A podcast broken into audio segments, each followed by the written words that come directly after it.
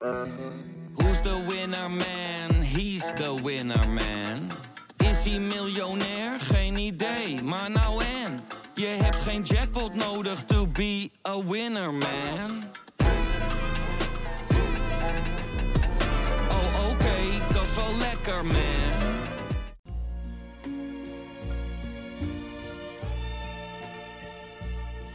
Eh, ik heb mij laten neuken met, met geluid de laatste weken. Vandaag laat ik mij neuken in stilte.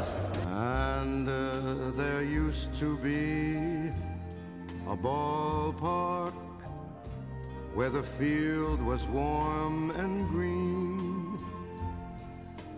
And uh, the people played their crazy game with a joy I'd never seen.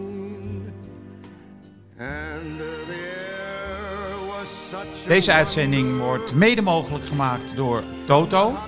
18 plus speelbewust. Precies. Waarvoor wij Toto bijzonder dankbaar zijn. Aanwezig vandaag zijn Michel Dodeman.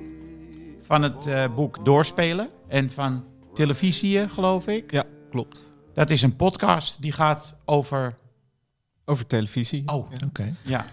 En eh, Ivo Victoria, Belg. Nou, het zal duidelijk zijn waarom we hem hebben uitgenodigd. Eh, Nee, dat vind ik Gezellig, onzin. jongens. Nee hoor. Ook om Nederland goed te duiden. ja, niet, niet alleen nee, die afgang in de Nations Dat, League. dat spreekt vanzelf. Eh, Alles is oké is jouw laatste boek? Klopt, ja. Ja, ja. Ik was hem zelf al bijna vergeten. Ja, het is alweer een paar jaar geleden. 2019 toch? Ja. Heb je al een nieuw boek af? Bijna. Zo. En weet je al waar dat gaat verschijnen? Komen nu direct op heel gevoelig eh, Oh ja? Waarom? terrein terecht. Nou, je- eh, Hugo, jij zat toch ook bij Lebowski? Ja. Zit jij nog bij Lebowski eigenlijk? Eh, lang verhaal. Ja, ik, ik zit nog bij Lebowski. Ik ga nog een sportboek maken voor dat dat moet je dan een contractueel. imprint voor eh Lebowski. Oh ja. Ja. Dus, eh, Marieke. Voor Ja. Marieke Derksen. Maar dat Leuk. is niet Lebowski. En Michel van Egmond. Dat is niet Lebowski. Dat is Inside. Ja, die zit, eh, die zit eh, bij Lebowski in. Hè, bij Over Amstel, naast eh, Over Amstel. Onder dezelfde paraplu. Ja. Oké. Nou, dat Maar is dan jij ook- hebt eh, onze vriend Dodeman Ja. niet geïntroduceerd als eh Vice Man. Ja, nou ja, ik schrijf niet zoveel meer voor Vice. De, de Vice Sports redactie is een beetje... eh, Sam van Raalte die heeft dat opgezet en die is eh, begin 2021 weggegaan. En eh, sindsdien eh, bestaat het volgens mij niet. Er is nooit een opvolger aangesteld, dus ik schrijf eigenlijk daar niet... eh, Je bent min of meer opgeheven. ja, ik Maar ben je bent overbodig. wel op het laatste nippertje nog uitgeroepen tot eh, talent, sport, schrijftalent van het jaar. Nee, dat was Ja. een jaar geleden, toch? Ja, het, het, het was in 2000, begin 2020 was dat. Ja. Nou, dat telt nu ook nog hoor. De, na Want- nog net. Ik blijf de eretitel wel dragen. Ja, want eh Vice is er niet meer. Ja, Ja, dat is een heel, heel leuk verhaal, eh, Michel. Dat moet je eigenlijk vertellen. Jij ging daarheen in de wetenschap dat je daar gewoon een reportage ging maken, toch? Ja, jij ja, jij ik wist werd, niet dat je eh, wat ging winnen, toch? Nee, klopt. Ik, eh, Sam zei van tevoren tegen mij, ja, kom, we gaan daarheen en eh, het wordt leuk en er is gratis drank. En ik kon eigenlijk niet. En waarheen was dat? Eh, in, in Papendal was dat. NSP, Nederlandse Sportpers. Ah, Oké. Ja. Dus eh, ik zei, nou ja, ik kan niet. En toen zeiden ja, maar er is echt gratis eten ook en gratis drank en het wordt heel leuk. nou, dat hoef je tegen een dode man maar één keer. Ja, precies. Ja. En toen zeiden ja, maar je, moet, je kan er ook een reportage over schrijven. Toen dacht ik, nou ja, oké, dan is het wel waard. Dus ik heb de hele avond eh, aantekeningen gemaakt. Nou, beschrijf nog even wat je zag. Jij zag allemaal behoorlijk oude mannen. Ja, toch? wij waren, wij waren veruit de, de jongste. Wij leken een beetje de, de stagiaires eigenlijk daar. Dus ik dacht, nou ja, daar kan je best een leuke reportage van maken. En toen op een gegeven moment kwam er een prijs voor eh, sportjournalistiek talent. Dat, dat wist ik al niet. En eh, Sam pakte zijn mobieltje en begon te filmen. En ik dacht eigenlijk, mijn eerste reactie was, oh misschien wint hij hem zelf. En toen dacht ik, nou dat is wel gek dat je dan die uitreiking gaat filmen voor jezelf. En eh, toen eh, won ik hem uiteindelijk. Ja, en, en eh, wat is voor onze hartgrasluisteraars jouw belangrijkste verhaal geweest voor Vice Sports? Waarom Ehm, denk je dat je hem hebt gewonnen? Ik denk dat het meest gelezen verhaal is, dat gaat over Real Murcia. Dat is een club uit toen de derde divisie van Spanje. Dat was een noodlijdende club. Die hadden meer dan 50 miljoen euro schuld. En die waren op zoek naar aandeelhouders. Dus door de hele wereld hebben zij toen aandeelhouders gewerfd. En eh, ik werd één van hen. En heb toen aandelen gekocht. En ben later ook als eh, VIP daar langs gegaan. Als aandeelhouder mocht dat. Dus ik zat, zat daar op de eretribune bij de voorzitter. En ik was eigenlijk ook de enige aandeelhouder. dus dat was. dat viel een beetje tegen. En hoeveel had je geïnvesteerd? Eh, het, het was, eh, ik denk 70 euro, zoiets. Mhm, dat is toch een heel bedrag. Ja. Ja, toch mede-eigenaar, dus ik eh, hou een oogje in het zeil vanuit Nederland. Maar ze zitten inmiddels in de vierde divisie, dus eh, mijn aandelen zijn een beetje gekelderd. Ja, dat klinkt heel goed. Ga je over eh, deze bijeenkomst ook nog een reportage schrijven? Ik, eh, ik, ik kijk hoe het gaat. Goed, want Oei. het is, eh, nou ja. Zet ons meteen op scherp. Ja, let op wat je zegt. Ivo, heb jij gekeken naar eh, Frankrijk-België? Nee, ik, eh, ik was eh, bij Squid in Paradiso. Een buitengewoon goed eh, postpunk eh, bandje. Ja, ik zag dat op eh, Twitter. Ja, en, En eh, toen kon ik niet het verschil ontdekken tussen Squid en Squid Game. Dat is ook iets. ah ja, daar is mijn dochter heel erg fan van nu, Squid Game. Ja. Daar kan ik ook niet helemaal mee volgen. Maar Squid, eh, ja, geweldige band, geweldig concert. Ondertussen volgde ik de wedstrijd op mijn telefoon. Ja. Ja, ik kon niet. Kijk, punt was, het concert van Squid was al drie keer uitgesteld met corona. En ik ging met mijn vrouw. Ja. Dan kan je niet zeggen van sorry. Hoe oud zijn de mannen Nou ja. van eh, Squid? Oh, dat zijn twintigers, denk ik. Ja, ja, oh, echt leuk. Maar mijn vrouw is Frans. Dus ik had... de- Dan, ik kwam in een vreemde situatie, want ik dacht, als ik nu zeg vanavond dat er voetbal is Ja. en dat ik dat opgeef voor mijn vrouw, dan scoor ik punten. Maar als ik het zeg en ze verliezen, dan geef ik haar weer wapens in handen. dus eh, dat was een beetje het dilemma waar ik mee zat. Eh, het was 2-0 voor België toen we de concertzaal eh, verlieten. en toen ik de televisie thuis aanzette, zag ik Lukaku de, de winnende 3-2 scoren. En daarna, Ja, die nou ja, het verhaal niet. is genoegzaam bekend. Ah, maar je maar mag ik wel heb, trots zijn op, op België die avond. Want eh, Ja.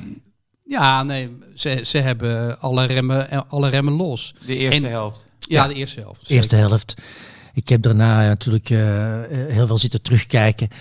Ehm, ja, sentiment in België is wel echt omgeslagen door Ja? deze wedstrijd. En ik heb zelfs het idee dat deze nederlaag veel harder is aangekomen dan de uitschakeling eh, op het TK.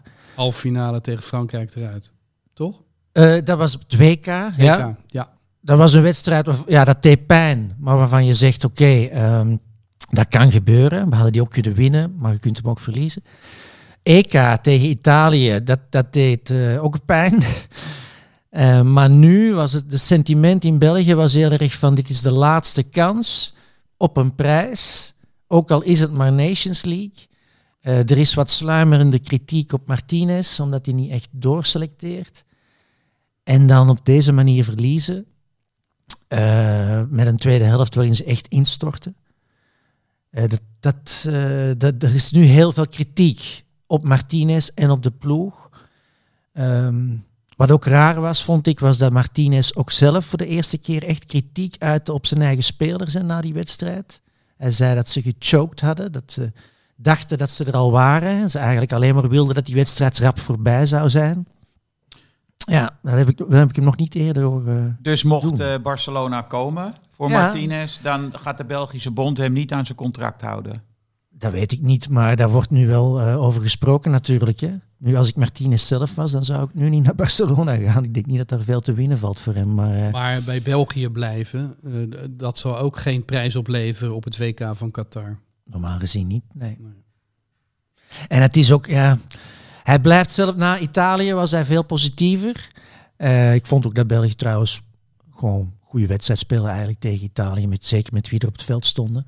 Maar ehm, het is ook dat positieve van Martinez. Hè, dat, eh, hij is de hele tijd bezig over, we moeten ons ontwikkelen. We moeten nog de psychologische muur om een prijs te kunnen pakken, moeten we doorbreken. En dan blijft hij maar over dat leerproces doorpraten. Maar ja, de Bruine is 30. Eh, Lukaku zit op zijn piek. Eh Alderwereld, Vertongen, Witzel, daar valt niet meer zoveel aan te ontwikkelen. Hè. Dat, is, Dat is wat het is. Ik vond eigenlijk eh, wat het eh, spel van België eh, vorm gaf, symboliseerde. Het was de totale ineenstorting van Hazard. Ja. Nou ja. Je zag hem, op fit. zeker moment verloor hij de bal. En hij, hij gaf alles op. Het leek wel alsof hij klaar was met leven bijna. Want hij wandelde een beetje in de ronde.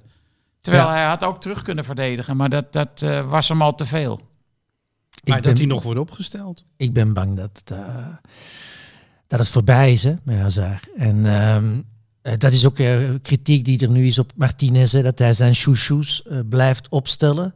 Hazard, maar ook Tielemans heeft heel veel kritiek gekregen op de laatste twee wedstrijden, terwijl hij volgens mij in de eerste helft tegen Frankrijk gewoon goed speelde. Ik vind het, dat vind ik dus wel ook wel een raadsel. Tielemans, eh, het is mij niet opgevallen bij Leicester dat hij eh, eh, aan een vormcrisis leed, leidt. Terwijl in Belgische elftal was hij echt niet goed. En, en Van Aken is in bloedvorm. Ja, Dus heel veel mensen begrijpen niet dat Van Aken niet speelde in de plaats van Tielemans. het is wel een hele andere speler. Zeker. De een is controleur en de ander is nummer 10.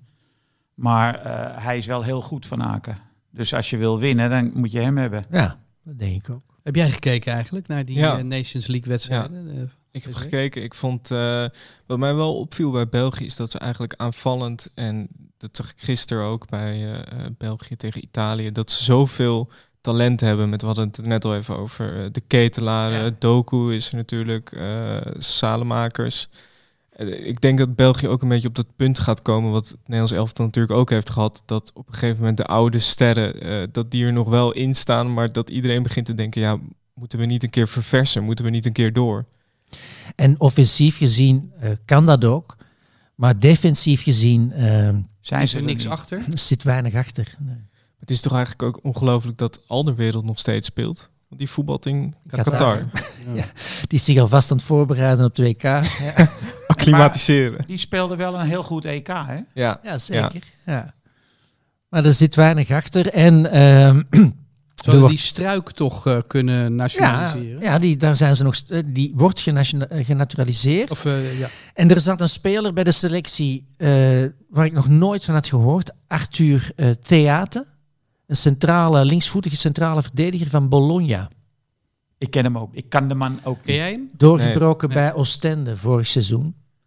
En eh, die staat nu in de basis bij Bologna. Hij heeft ook al twee keer gescoord daar. Ehm, ja. Hmm. Maar dan vind ik het ook raar als je zo'n jongen meeneemt. Laat hem dan spelen op zijn minst. Hè. Laat hem een half uur meedoen tegen Italië. Want kan alleen maar eh, ervaring opdoen. Jongens, ik heb gekeken naar de, de, de finale gisteren. Frankrijk. Ehm, ja, ik durf het bijna niet te zeggen, Henk. Maar waar ik altijd zo'n grote moeite mee heb, is het eh, geweldige potentieel. En eh, als je zag voor rust, niet één doelpoging voor Frankrijk. Ehm, ik heb daar grote moeite mee. Hoe sta jij erin? Ik zit gewoon te wachten tot ze het gaan doen. En eh, in de eerste helft, eh, zoals Siert eh, terecht en zeer beeldend opmerkte, hadden de twee ploegen elkaar in een ijzeren greep. Het kan wel eens. En, kan gebeuren. Ja. eh, ja, ehm, het komt een keer. Het komt gewoon. Maar dan is het toch altijd de omschakeling waar je dan van moet genieten. En waar, laten we er niet omheen draaien, waar ook je van kan genieten. Ik moet altijd denken aan het Dynamo Kiev van de jaren 80. Ook wel van de jaren 70 trouwens. Ook een beetje de jaren 90. In drie periodes was Dynamo Kiev eh, onder Lobanovsky eh, weergaloos. Maar het blijft toch voor mij, maar dat komt misschien omdat ik een Nederlander ben... ehm, een alternatief voor eh, domineren. Hè? Hoe mooi een counter ook is... Eh, ja, eh, in de pikorde staat er bij mij dan toch wel op twee. Ik denk als je zo ontzettend goed kan voetballen, als je de spelers ziet die ze in de selectie hebben, dan kan het toch wel een onsje meer. Nou ja, je moet ehm, je wel realiseren dat tegen België gingen ze in de tweede helft druk zetten. En het was meteen over met België. Eh, Ze gingen in de tweede helft eh, tegen Spanje na een formidabele eerste helft van Busquets. En eh, ik had het idee dat met name Benzema in de eerste helft nog last had van die wedstrijd van twee dagen daarvoor. Ehm, want hij liet zich niet zo enorm zien. Ehm, ja, in de tweede helft wist hij het van zich af te schudden. En kwam hij weer met een of ander, eh, wat ze in Frankrijk een caviar noemen. Die, die toverbal die naar 1-1 ging. Ongelooflijk, ja. Ja, dat was, dat was subliem. ik, ik kan zo genieten van die speler. En ik vraag, 34 jaar. ik vraag me altijd af, wat als Ronaldo niet bestaan zou hebben? Cristiano Ronaldo. Hoe goed was Benzema dan geweest? Want hij speelde volledig in dienst bij Madrid. Totaal. En dankzij hem heeft Ronaldo al die goals kunnen maken bij Madrid. Maar anders had Benzema zelf kunnen en moeten maken. Maar het schijnt wel zo te zijn dat Ronaldo elke dag drie keer hem heeft bedankt. Hè, voor al die eh, gedienstige... Ja. Maar dat vind ik ook het vervelende bij Frankrijk. Dat, dat was ook tegen Spanje. Je ziet dat ze het wel kunnen. Want meteen na het tegendoelpunt vlogen ze eroverheen. Vooral Mbappé en eh, Ja. Theo Hernandez vond ik goed spelen. Pogba. Pogba. En je, je ziet gewoon dat er zoveel potentieel in zit. Maar ja, zolang ze dit soort wedstrijden blijven winnen, zullen ze het altijd zo blijven doen, denk ik. Zeker. Nou ja, het is ook het karakter van Deschamps. Ja. Die was zo'n speler van de controle, maar die is het ook als trainer. En ik, heb me, ik stoor me er ook wel eens aan. Ik heb eh, ik, eh, in de loop der jaren vaak genoeg stukjes geschreven over dat die lafaard nu eens een keer moet opstaan. Maar dat Eh. schudt zo'n man dan niet wakker, hè? Maar zou het ook niet kunnen dat Frankrijk nu zo speelt, omdat ze defensief ook wel iets kwetsbaarder zijn dan nou, drie dat jaar klopt geleden? wel. Ja, Hè, want ze krijgen er twee tegen eh, van België, eentje Ja. van Spanje. ja. nee, En dan zeker. ga je iets meer achteruit leunen. Dat doen de Belgen ook, alleen zelfs dat gaat nu mis. Maar, en dan op die, op die counter. Ja. Nou ja, en eh, normaliter speelt Kanté op het middenveld. Ook een eh, min of meer verdedigende middenvelder. Eh, dus het zit al een beetje ingebakken in de opstelling. Pogba en Kanté samen is natuurlijk een ongelofelijk duo. Vanwege de verdedigende klasse van Kanté en de aanvallende impulsen van eh, Pogba. Hoewel die gisteren, na dat incident met Pavard... Ja, laten we het even raciaal duiden. Zit, is daar nog iets eh, misgegaan? Want ik zag Pogba heel boos worden op de, rechtsback. Ja. Ja, nou Wat ja. was er aan de hand? Nou ja, hij werd gedwongen om uit te verdedigen in zijn eigen strafschopgebied. En hij kon de bal niet kwijt. Dus daarom werd hij boos. Maar hou boos, het was een woedeaanval. Ja, wat ik het goede eraan vond, is dat eh Pavard een heel klein knikje gaf na een minuut. Ik begrijp jou. Pik hoorde duidelijk. Dat eh, Deschamps zei, Paul, Paul. Eh, zag je hem eh liplezend Ja, ja, ja. zeggen en zijn handen deed hij zo omlaag. Kalm, kalm. Pogba had net daarvoor een gele kaart gehad. Eh, dus- Ontsnapt aan een tweede geel. Ja. Dus die was ook nog een beetje over de rode. Maar wat ik het goede vond, was dat hij min of meer verdween in de wedstrijd voor 10 minuten. Hij was zich kennelijk mentaal aan het herpakken. En daarna speelt hij niet zo verschrikkelijk goed weer. Echt verdedigend. Hij doet zoveel werk. En ik denk dan altijd, wat is die Solskjaer toch een waardeloze trainer.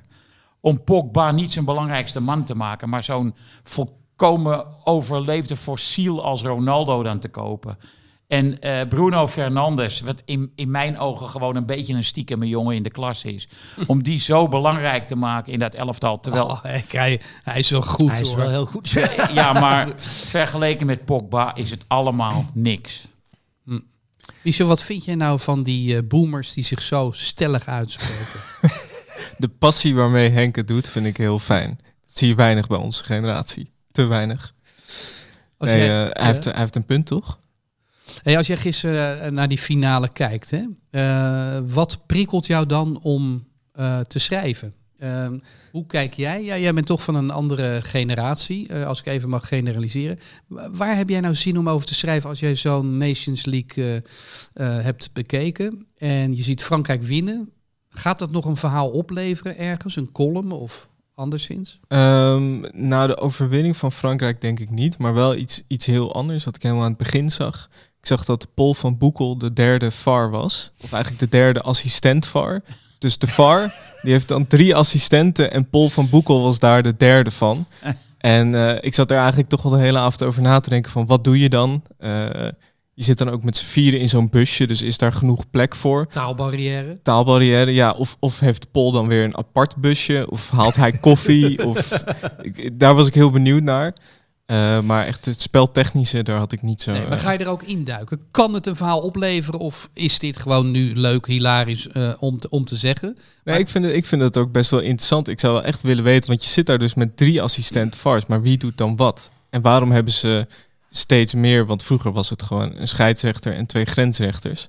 Ja. Toen kwam de man VAR. erbij. Ja, en, en nu zijn er dan, het worden er steeds meer. Dus ik vind dat wel echt interessant van eh, waarom dan en wat, wat doe je dan precies? Ze kregen overigens wel een vrij interessante situatie Ja. te beoordelen. Een aantal, ja. Ja, die, die, die, Die goal, die, ja, Garcia tikt hem aan. Ja, de verdediger. En, en daardoor werd het een andere situatie. Want Ja, bij de paas stond, Mbappé stond hij buitenspel. hij stond bij het spel, absoluut. ja, Maar doordat de verdediger nog net met zijn grote teen eh, de bal eh, veranderde, eh, werd het buitenspel opgeheven. Ik wist dat niet. Nee, de spelers van Spanje zeiden dat de scheidsrechter tegen hen had gezegd dat het gaat om de intentie. Dat Garcia probeerde om de bal te spelen en dat het daarom eh, werd opgegeven. Ja, Maar- maar Maar ja, maar wat kan Garcia anders doen? Ja, maar te je proberen kan, die bal te spelen, want ja, hij, of hij moet erop gokken dat Mbappé inderdaad buiten spel staat. Ik vind het oneerlijk, want, staan. want de verdediger ja. anticipeert. Ja. Hè, die zet hem buitenspel. Hè, die heeft, Ja. heeft erover nagedacht, die houdt in. Hè, waardoor die een metertje tekort komt bij de correctie. Het is buitenspel bij de paas. En vervolgens, omdat hij nog een inspanning doet om die meter die hij zelf heeft opgeheven te overbruggen. En nog met zijn teen aanraakt, is ineens de buitenspelsituatie weg. Dat is een kromme regel. Maar vroeger, toen eh, wij zelf voetbalden, was het toch heel normaal. Buitenspel werd toch opgeheven als de bal via de tegenstander kwam. Ik weet niet beter. En Maar, in- ja. intussen is dat dus veranderd. En, maar het is opnieuw wel in de spelregels. Want op Twitter waren scheidsrechters kennelijk. Waren, eh, die zeiden gewoon, ja, het staat er gewoon. Deze situatie wordt gewoon omschreven in de spelregels. Ja, ja, ja. Het is gewoon een slechte situatie, een slechte regel, vind Maar ik. het schijnt ja. wel zo te zijn als, ze hem te- als hij hem tegen de verdediger had aangeschoten. En die had, kreeg een per ongeluk op zijn knie. En Mbappé had hem eh, gemaakt. Dan was het wel buitenspel geweest. Als ik het goed heb Nee, nee, nee. eh, Nee? Want eh Mark de Grijze die haalde terecht aan bij VTM. Eh, België heeft tegen Rusland op het WK gescoord. Eerste doelpunt was een situatie waarbij de bal tegen een verdediger van Rusland werd aangeschoten, terwijl Lukaku buitenspel staat. Lukaku krijgt de bal door de deviatie en scoort. En het telt gewoon. Dus dat is eigenlijk ook ja, puur pech. Maar Hmm. dit is, vind ik, anders, omdat de verdediger... Je kunt niet verwachten van de verdediger dat hij, dat hij, zich, dat, dat hij niet gaat proberen eh, de bal te onderscheppen. Maar het is ook een reflex, denk ik, toch? Je ziet Ja. de bal langs je gaan en je gaat dan niet als eh, verdediger rationaliseren. Oh nee, ik moet hem laten gaan, want anders raak ik hem misschien aan. Hij wordt gestraft voor zijn eigen eh, Enthousiasme. enthousiasme. Ja. ja. Ik vond het wel leuk dat Siert, die kon het nauwelijks verkroppen.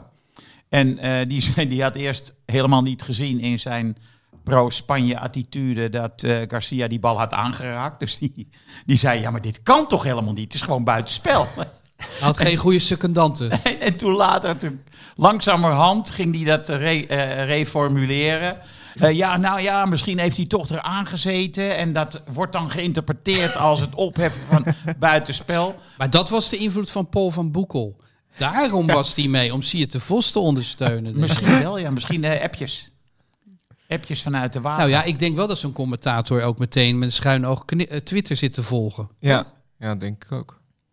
Je moet wel van alle markten thuis zijn. In dat verband, mannen, voor mij zitten, zitten drie, eh, drie mensen met eh, hele mooie opschrijfboekjes. Ik ben de enige die een telefoon voor zich heeft liggen. Eh, hebben jullie allemaal eh, dezelfde boekjes? Hebben jullie dit afgesproken? maar ik, jullie zitten ook af en toe iets op te schrijven. Ik, ik, ik weet niet wat ik meemaak. Natuurlijk, ik ben een groot bewonderaar van Simon Cooper. En Simon Coopers bestaan wordt bepaald door 211 opschrijfboekjes die hij heeft bijgehouden vanaf 1990, denk ik zo ongeveer, misschien wel eerder. Ehm, in zijn kielzog doen jullie eh, eh, hetzelfde. Ik zou even willen weten, wat is het belangrijkste wat in dat eh, boekje staat, Ivo? Nou, dit is een nieuw boekje. Ja, ik zie het. maar pas Wat is het merk? Dit is een Moleskine softcover. zonder regels, gewoon met blanco Je pagina's. schrijft met rood. Ik schrijf met rood. Dat komt omdat mijn zwarte fineliners op zijn. En die worden ook niet meer geproduceerd. Dus ik zit een beetje in de problemen. Oh. Ik had eh, jarenlang, ja, misschien wel tien jaar lang, dezelfde zwarte fineliner. En eh, niet meer te krijgen. Waar kocht je die dan? Bij Van Beek of zo? Eh, nee, mijn vrouw die bracht die mee van haar werk. Die stal er af en toe een doos. ik kan dat zeggen nu, omdat ze daar niet meer werkt. Ze werkt maar- daar niet meer, oké. Eh, wat staat hierin? Eh, notities eh, voor eh, een boek waar ik wil aan gaan beginnen. En eh, ik had wat dingen opgeschreven toch voor vandaag. Ik dacht eh, een paar dingen die ik wil zeggen. Goed beslagen ten ijzer, dat heb Ja, je al ik ben voor een een deel. professional. Voor het is zeker. De Zo meeste zie je er ook, punten zo heb zie ik je er al, ook uit. Ja, dankjewel. Ja. Henk, het belangrijkste wat jij... In, heb je even het merk van boek? Moleskine. Moleskine. Ook? Ja? Ja, met eh, harde cover. Eh, Waarom harde cover en Ivo softcover?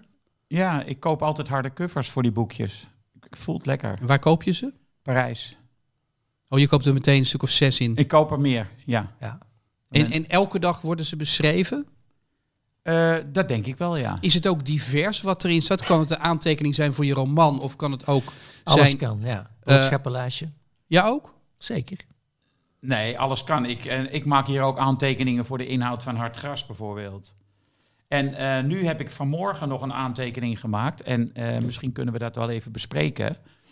Dat is dat eh, eh, vandaag in de correspondent heeft Simon Cooper, over wie het net had, de koning van de opschrijfboekjes, een geweldig stuk in de correspondent over eh, de werking van het brein van de topvoetballer.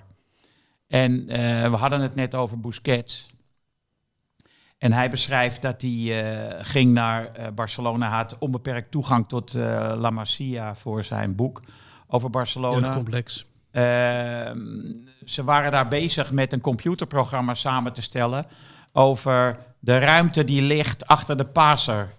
En eh, dat, dat, daar schreven ze programma's voor. Ik snap dit niet helemaal, maar goed. Maar wacht even, wacht even. De, de ruimte, achter de paser. ja, dus laten we zeggen, Busquets is de passer Ja. en 10 meter voor hem ligt ruimte.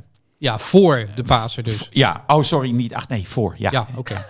Eh, en ja, eh, in ieder geval, eh, totdat ze erachter kwamen dat toen ze naar de resultaten gingen kijken, dat ze veel beter Busquets zelf konden volgen, omdat hij het al, al lang had gezien.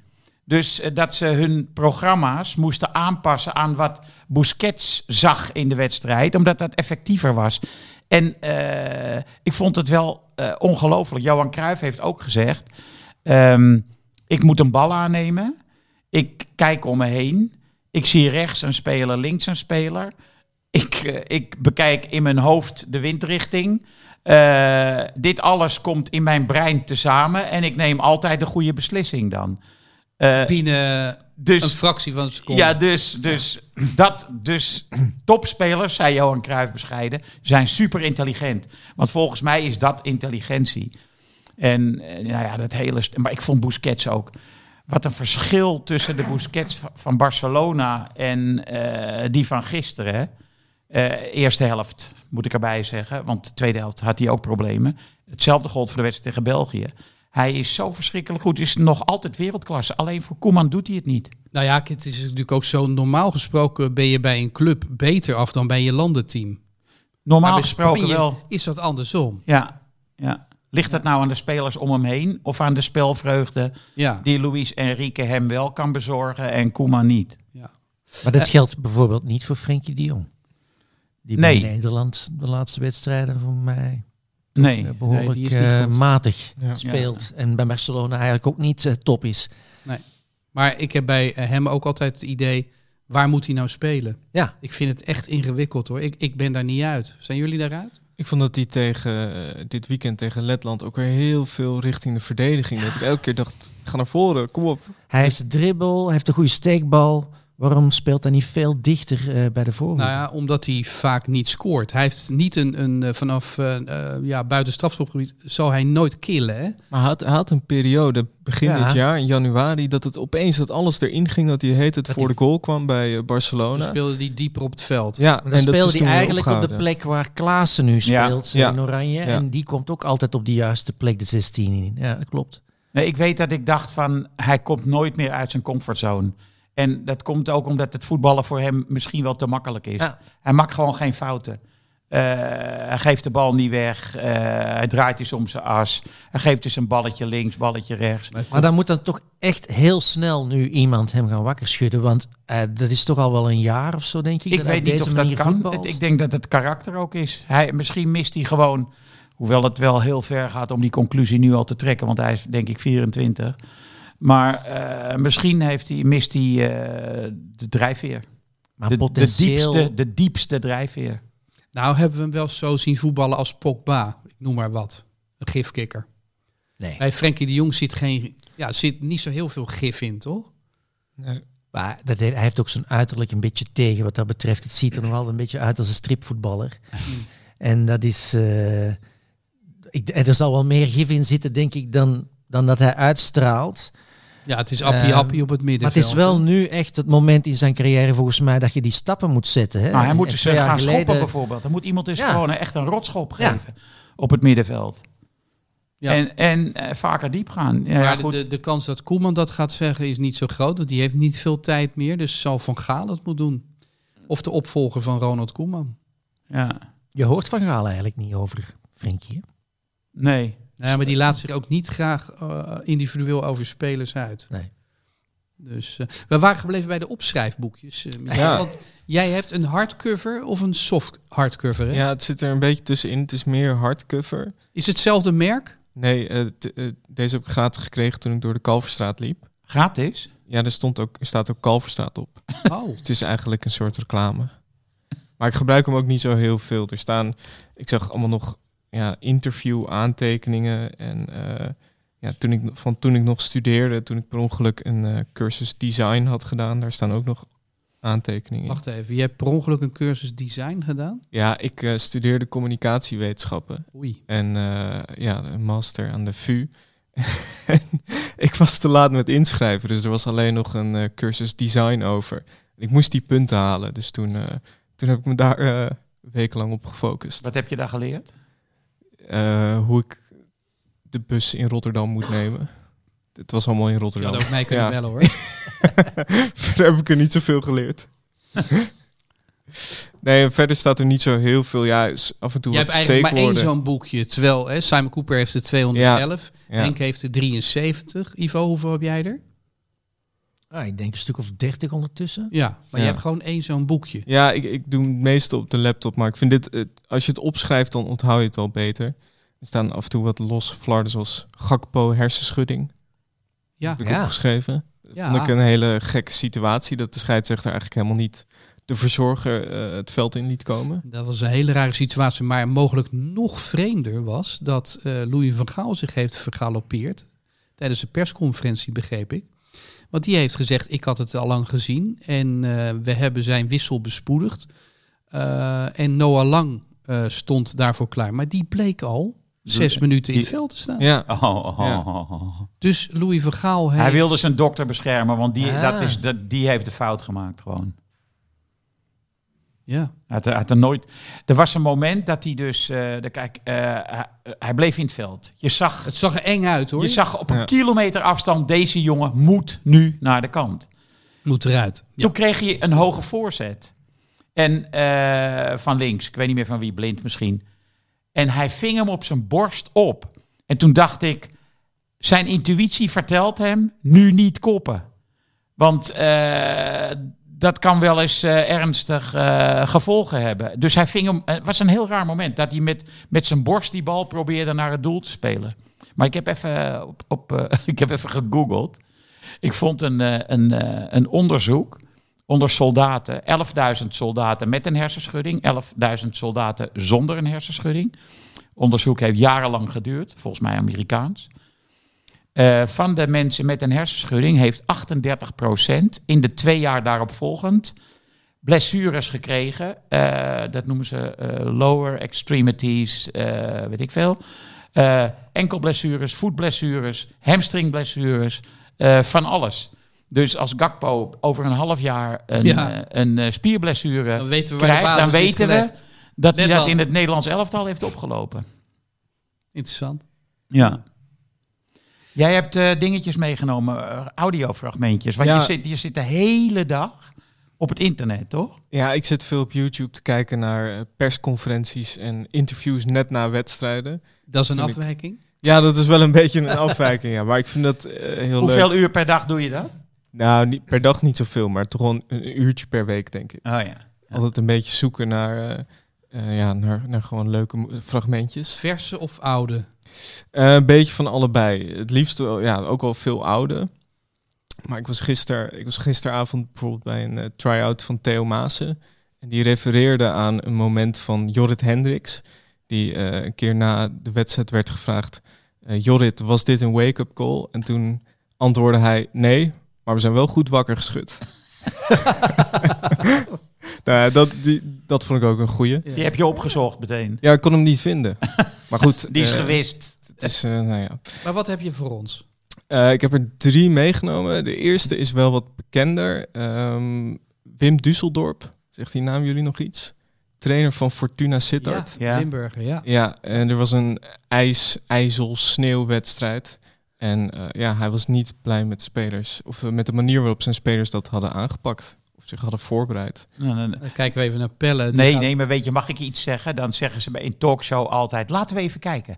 Dus ik wil dat ook graag zeggen. Laten we even luisteren.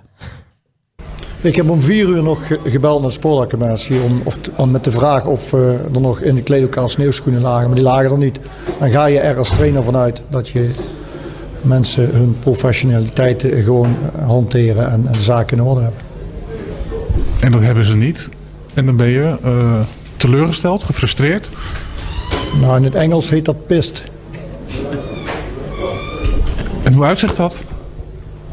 Ja, nou, in dit gezicht. Heeft de nederlaag daar ook aan gelegen?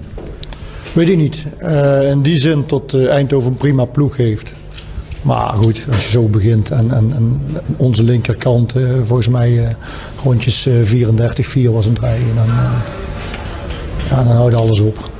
Dan gaat het ook niet meer over tactiek. Ik heb nu in de rust drie man of twee man ingebracht. Dat waren de twee die konden lopen op dit veld. Ik heb niet eens naar posities gekeken. Die komen erin en de twee die niet kunnen lopen, die flikker ik eruit. Ja, ik vind die combinatie van toch onderkoeld willen blijven, maar toch net dat het net niet helemaal lukt. Heel boos. is Ja, die. heel leuk. Heel van 34-3. Ik herkende overigens de interviewer. Daar heb ik jarenlang mee in de zaal gespeeld. Eh, Robert Anker. Oké. Ja. ja. Over zijn eh, kwaliteit als doelman daar gaan we het hier niet hebben. Hij was toch goed? Hè? Hij, was toch goed? Nou, hij wisselde hele sterke met hele zwakke af. Dus zeg maar een beetje drommel. Mag ik dat zo zeggen? drommel, ja, dat is toch een goede vergelijking. Inmiddels vierde keeper hè, na eh, vlekken. Ja. Goed, fragmentje 2. Ja, dat is eh, een tolk en een trainer. Dat vind ik altijd leuk. En in dit geval is de trainer Henk ten Katen, die in eh, Griekenland werkte bij eh, Panathinaikos. en zijn tolk is Jannis Anastasiou. En dat komt goed uit, want die kan natuurlijk Nederlands. Dus eh, sowieso dat effect vind ik al heel leuk. Iemand die Nederlands praat tegen een Griekse zaal. En nou ja, er zit ook een beetje vertraging tussen de tolk en trainer. Dus laten we luisteren. Maar noem mij één wedstrijd van de acht die wij onverdiend gewonnen hebben of onterecht gewonnen hebben. Πέστε ένα παιχνίδι από τα 8, το οποίο το κερδίσαμε από τύχη, ήταν οι αντίπαλοι καλύτεροι από εμάς. Noem mij er één. Το ονομάστε ένα. Dan mag meneer Endoy, die in zijn hele leven twee goals voor Panathinaikos heeft gescoord. Die mag van alles roepen in een krant. Ψάχνετε όλοι να δείτε τον Εντόι, ο οποίος δύο γκολ έβαλε στην καριέρα του στον Παναθηναϊκό En ik heb drie weken met die jongen gewerkt. και δούλεψε τρεις εβδομάδες μαζί του En er wordt een sfeer gecreëerd daardoor και δημιουργήθηκε η, η αίσθηση στον παίχτη die het werken voor mij en de spelers niet makkelijker maakt. ότι η δουλειά η δικιά του με τους παίχτες δεν είναι εύκολη En de meesten hier zeggen dat ze een Panathinaikos hart hebben. και ότι οι περισσότεροι από εσάς εδώ λέτε ότι έχετε καρδιά πράσινη του, του Ik merk er Παναθηναϊκού. weinig van. Αυτό δεν το ασπάζετε. Maar misschien als die meneer die dat artikel over Endoy geschreven had, Ίσως αυτός που έγραψε το άρθρο σχετικά με τον Εντόι Messi of Ronaldinho had gebeld, waar ik drie jaar mee gewerkt heb, ίσως να πάρει τηλέφωνο το Μέση και τον Ροναλντίνιο που δούλεψε τρία χρόνια μαζί τους dan had hij waarschijnlijk een ander antwoord gekregen. και είναι σίγουρος ότι ακούσετε άλλη, άλλες απάντησεις. Maar die man die had natuurlijk het, het telefoonnummer van Messi niet. Nee. Maar stel je voor die, die lobby van de Telegraaf Ach, om ten man. kate bondscoach te Ach, maken. Maar dan man. zit je dus daar in het buitenland met zo'n brok agressie werkelijk. Levensgevaarlijk ook. Ja, maar dat de Telegraaf inderdaad serieus deze man gepusht heeft. ja. Ongelooflijk. En eh, ik heb nog een derde meegenomen, speciaal voor Ivo uit, eh, uit België, Michel Preudom. eh, die we natuurlijk ook kennen van FC Twente Ja. als trainer. En eh, ja, dit ging er eigenlijk over dat hij was trainer van Gent, geloof ik. En in de weken daarvoor waren er wat discutabele momentjes. eh, met de scheidsrechter had hij zich over uitgelaten. Dat gaat hij nu niet meer doen. Het was hoe dan ook zeer, zeer licht. En eh, ik kan begrijpen dat eh, de trainer van Agent dan ontgoocheld is. Komt die fase? De fase komt niet. Oh, maar dat is niet- Je hebt het al gezien. Eigenlijk, eh, nee, maar ik weet het al. Ik heb mij laten neuken met, met geluid de laatste weken. Vandaag laat ik mij neuken in stilte. Stilte. Ja. En was er nog een overtreding eh, op Jobi Jankic? Hoe heeft u die? Ik, eh, elke keer dat ik iets zeg, word ik gepakt daarna. Dus eh, ik zeg niks niet meer. Ik laat het aan jullie om het te zeggen. Aan de analisten, aan de mensen die naar de kranten schrijven, aan iedereen. Maar ik zeg niks niet meer. Ik denk dat Gent bestaat niet op de Belgische kaart van het voetbal. Dus eigenlijk wil je zeggen dat eh, je vandaag ook bestolen bent. Ik zeg niks. Ja. Michel Predom. Eh, ja, ik- volgens mij, we gaan dat hier letterlijk eh, vertalen eigenlijk vanuit het Frans. hè. Eh, hij had wel commentaar gegeven de vorige keren, fait du bruit, geluid gemaakt. Maar nu laat hij zich neuken zonder geluid. maar eh, ja, dat was eigenlijk jarenlang ook de gedoodverfde bondscoach, hè, Michel Predom. Was toch een goede trainer? Een goede coach, ja, absoluut. Hij was Hij- een betere keeper dan, dan trainer hoor. Dat zeker wel, maar goed, hij was ook de beste van de wereld op een gegeven Ja. moment als keeper. Eh, maar daar, werd, eh, daar hebben we jarenlang op gehoopt in België. Hij en Erik Gerrits, daarvan werd altijd gezegd, die moeten bondscoach worden, maar dat zal niet meer gebeuren. Gerrits, dat lijkt mij een zegen dat hij het niet is geworden. Ja, wie zal het zeggen? Op een gegeven moment eh, was het toch ook wel een goede coach. En ehm, Maar ik heb toch over hem wel uitspraken gelezen van collega's dat hij opportunistisch is, maar ook onbetrouwbaar. Ah, Ja. dus, eh, Maar wie zou het nu dan moeten worden in, eh, in België? Als er, er wordt dus ook gesproken over Martinez. Ja. Er is ontevredenheid over. Gaan er al nieuwe, nieuwe namen rond? Nee, eh, ik, heb, ik heb wat dat betreft nog niet zoveel. Ja, Eh, er heeft Filip Joos, eh, journalist, die heeft geroepen voor eh, afgelopen zaterdag. eh, ze moeten Conte halen of Guardiola. Dat is het enige wat ons nog kan redden. Maar die zullen ze zeker niet kunnen betalen. Mag ik een tip geven? Dik Zeker. advocaat. Dik advocaat. die wist niet hoe, hoe rap hij moest gaan lopen. Eh, toen hebben België zat. Eh, nee, eh, ik denk Philippe Clement. Die bij Brugge nu echt goed werk aflevert. En, en hopelijk blijft Martinez zitten tot en met het WK. En dan zal Clement misschien ook wel klaar zijn in Brugge. Nou, dan kan hij uh, bondscoach worden. Haas, Hazenbroek? Van Zeg- Hazenbroek? Nee, dat is ook iemand die op een gegeven moment bij Gent wel eh, echt eh, hoge ogen scoorde en, en, en ook een mooi aanvallend voetbal speelde. Maar daarna eh, eigenlijk overal geflopt is. Ja. We gaan de Toto doen, voorspellingen. Ehm, en dan is het altijd zo dat als eh, Frank van der Lende er niet is en Matthijs van Nieuwkerk er niet is, eh, dan mogen de- hun vervangers eh, voorlezen, want we kijken naar een scherm hier links, ehm, wat zij zouden hebben gezegd. Nou, Michel, wil jij Matthijs van Nieuwkerk zijn of Frank van der Lende? Eh, ik wil wel Matthijs zijn. Ja, Dan zeg nou, ik... eh, Dan is Ivo Frank van der Lende. We gaan naar de wedstrijd. Het punt is wel Nederland, dat er staat een, Gibraltar. ka- een camera voor de kolom van Frank van der Lende. Ja, het is Maar- moeilijk te zien. Maar zie jij die wel, Ivo? Ja, ja. Oh, jij kan dat zien, ja. Ja, bij staat voor mijn neus dan. Eh, het is, eh, we zitten een, eh, een luttel aantal uren voor Nederland-Gibraltar, maar wij weten de uitslag nog niet. Nee. mensen die gaan luisteren, ja, eh, die zitten misschien al op dinsdag en die weten het wel. Dus die kunnen gelijk kijken of we er verstand van hebben. Ja. Henk Spaan, wat, eh, wat zie jij gebeuren? Ik zie gebeuren dat eh, Noah Lang wordt vervangen. 20, 20 minuten voor tijd door eh Danjuma. En Eh. dat hij eh, bij de tweede paal een bal erin tikt. Dus Danjuma scoort het laatste doelpunt voor Nederland. Helder. Wat vindt Matthijs? eh, Memphis Depay scoort twee keer. Goed, ik zie dat Noah Lang scoort. Verrassend. En eh, Frank van der Lende? Ja, Berghuis gaat zich eh, helemaal uitleven en zal meer dan drie assists geven. Eh, dat Is hij daar blij mee? Nee, maar dat betekent, als Noah Lang zou spelen... Op de, re- links. op de rechtsbuitenplaats... Nee, die staat links. Oh nee. Dat was trouwens wel grappig, hè? Hij, ging, hij had zelf beslist nog al lang toen hij erin kwam. Ja. Hij moest op rechts, maar hij, ging, hij kwam erin en hij zei tegen, ik weet niet Gakpo. wie... Ga- tegen Gakpo, ik ga op links. En Gakpo, Geweldig. ja, maar dat is toch geweldig? Dat is geweldig, ja. Gakpo had nog last van zijn hoofd, dus die dacht van... eh, Zal wel. Maar, maar Louis van Gaal was niet boos. Nee, Die was ontzet eigenlijk. nou ja, die moest lachen, min of meer. Goed, we gaan naar AZ Utrecht eh, van het weekend. Henk Spaan. Ja, dat is... eh, mm, daar staat AZ wint, dus Ja. dat zeg ik ook. Ja, oké. Nee, dat heb je helemaal zelf verzonnen. Matthijs van Nieuwkerk. Een eh, heroïsche overwinning van Utrecht. Ehm, ik zeg dat het gelijk wordt. En eh, Frank van der Lende zegt... Ja, een bloedeloos gelijkspel, vrees Goed, ik. dan is het meteen 0-0. Eh, FC Twente tegen Willem II. Eh, Henk Spaan. Eh, gelijk. Ga je ook kijken naar die wedstrijd? Of ga je toch naar het buitenland eh, Eh, schakelen? nou, ik ben wel heel erg geïnteresseerd in eh, Fred Grim. En dus ook ehm, hoe hij dit gaat aanpakken tegen Twente. niet dus... in Ron Jans. Ben je niet in geïnteresseerd? Nee. Nee. Ron Jans is... Waarom niet? Nou ja, Ron Jans is wat hij is, Ron Jans. En ik zie in Fred Grim zie ik nog groei. Ja. Helder. Matthijs van Nieuwkerk. Wie wint FC Twente Willem II? Twente. Ik zeg dat Willem II wint. En Frank van der Lende... Zegt dat eh, Twente wint. Ja, goed. Nou, hebben wij aan, ze, aan onze eh, administratie voldaan. Want dankzij Toto maken wij deze podcast. Ja, dan- maar daar zijn we ze serieus eh, eh, Zeer ja, dankbaar voor. Zeer dankbaar voor. Ik, wou, ik wou nog even een kwestie opwerpen.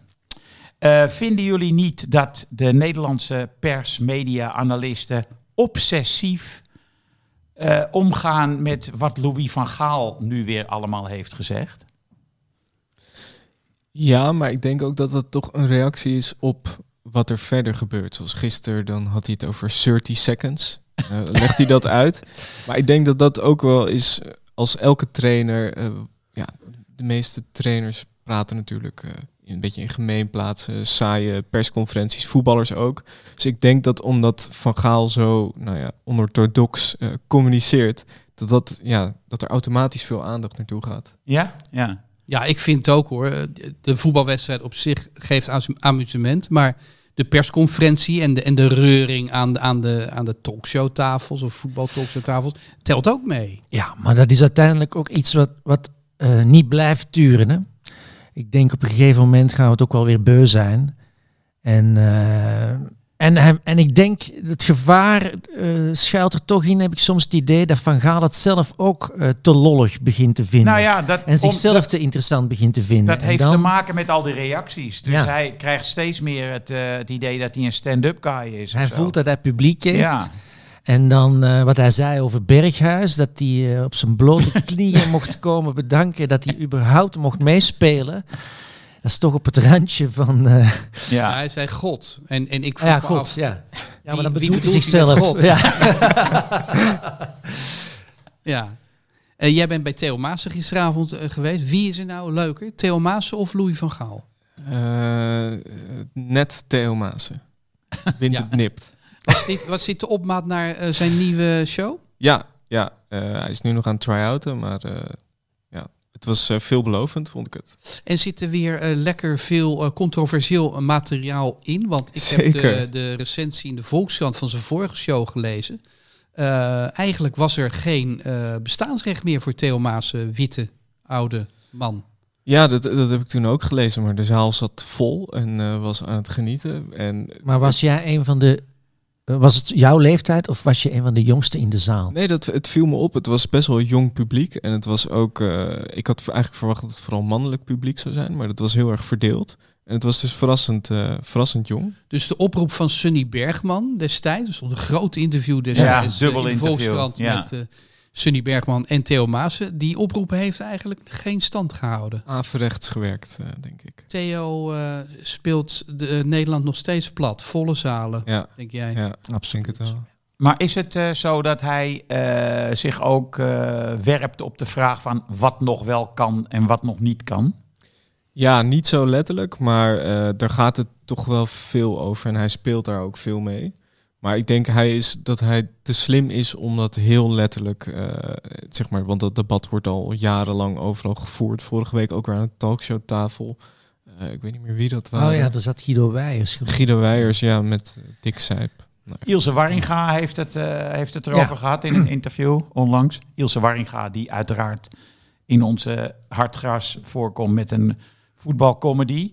Eh, ze kregen meteen nadat het eh, blad uitkwam, ons blad, dat is ook in de winkel te verkrijgen voor luttele euro's. En, ehm, Je kunt ook een abonnement nemen op de papieren hartgat. Wist jij dat? Henk? Ik vergat dat te zeggen, maar dat Ja, is zeker mogelijk. dat kun je gewoon doen. Maar eh, Ilse die maakte zich ook een beetje zorgen over wat nog wel en niet kan. Maar het goede nieuws is wel dat ze in de volgende Hartgras, nummer 141, al komt met een tweede aflevering van deze eh, voetbalcomedy. Ja, het is een scenario eigenlijk. Hè? Nou, ze was ook onmiddellijk benaderd door een tv-producent van we gaan hier een serie van maken. ja, en Ilse komt eh, binnen een paar weken komt ze wel een keertje langs hier Ja, eh, Zeker. bij ons op eh, maandagochtend om aan te schuiven. Ja. En of ze dan Matthijs van Nieuwkerk is of Frank van der Lende, dat staat nog te bezien. Ja. Maar we hebben een vrouw binnen. Yes. Ja, Mooi. wat doe jij Pelle? Wat maak je allemaal voor bewegingen? Het is rond. Ah. Ja? Is Pelle ook eindredacteur? nou ja, wel als hij dit gebaar maakt van de bal is rond. Af, ja, maar het is afronden bedoel je. Op hoeveel zitten we, Pelle?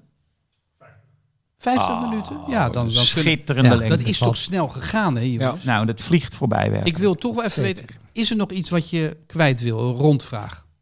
Michel, Eh, nee, ik heb niks. eh, ik heb niks niks toe te voegen. Hoe vond je je debuut? Erg leuk. Ik voel me wel een beetje als de ja, Romano Dennenboom tussen de Wesley Snijders. Als, eh, als jonkie, pas één keer geschreven. Hou dat vast, hou dat vast. Nou ja, het is wel zo dat Dennenboom heeft één keer volgens mij het Nederlands elftal gespeeld. Hè? Ja. Laten we hopen dat dus het zorg iets dat meer jij nog een tweede interlandje gaat scoren. Ik Henk Spaan, heb jij nog iets voor de rondvraag? Ja, ik, eh, het is geen rondvraag, maar het was een constatering dat ik zag op eh, social media, Instagram, een foto opduiken van eh, allemaal wappies, die zusjes van Lexmond en Doutzen Kroes. En daar zat ook bij eh Anneke Molenaar, de vrouw van eh, Matthijs de Licht. En opeens viel het kwartje bij mij. Oh. Dat nu begrijpen we waarom eind mei hij heeft gezegd: Sorry, maar ik laat me niet vaccineren. Wat onmiddellijk door hem zelf werd hersteld een dag later. Dus dat is eh, denk ik. eh, En of die is gevaccineerd, weten we nog steeds nee, dat niet. weten we niet. Maar we weten wel nu waar het vandaan komt. Ja, Louis Verhaal heeft wel gezegd dat hij het liefst werkt met gevaccineerde spelers. Dat hè? begrijp ik totaal. Ehm, Jij nog wat voor de rondvraag, Ivo? Nee, niet per se. Eh, er was trouwens een speler bij Frankrijk die na de match tegen België positief testte. Rabiot. Ongelooflijk eigenlijk dat het nog kan. Ja. Er was ook een speler in Engeland die had al twee keer eh, corona gehad. Eerste keer niet zoveel last, tweede keer veel last. En die heeft zich alsnog niet laten vaccineren. en die scoorde volgens mij twee keer dit weekend. Robinson. Maar die kent eh, Wout Weghorst heel goed. hè? Goed, eh, we ronden af, eh, lieve luisteraars. De- eh, dank voor het luisteren. Dit was alweer de 27e aflevering. Ja, dat gaat hard. Ja. En wij gaan op weg naar het volgende jubileum. Dat is 50 en dan hebben we nog heel lang te gaan. En ehm, nogmaals, dank voor het luisteren. Veel plezier met Nederland-Gibraltar. En anders dit weekend weer met de Eredivisie en de Keukenkampioen-divisie. Dat kan natuurlijk ook. Is ook hartstikke leuk. Worden mooie doelpunten gemaakt. Henk, famous last words. Hartelijk dank. Yes, there used to be a ballpark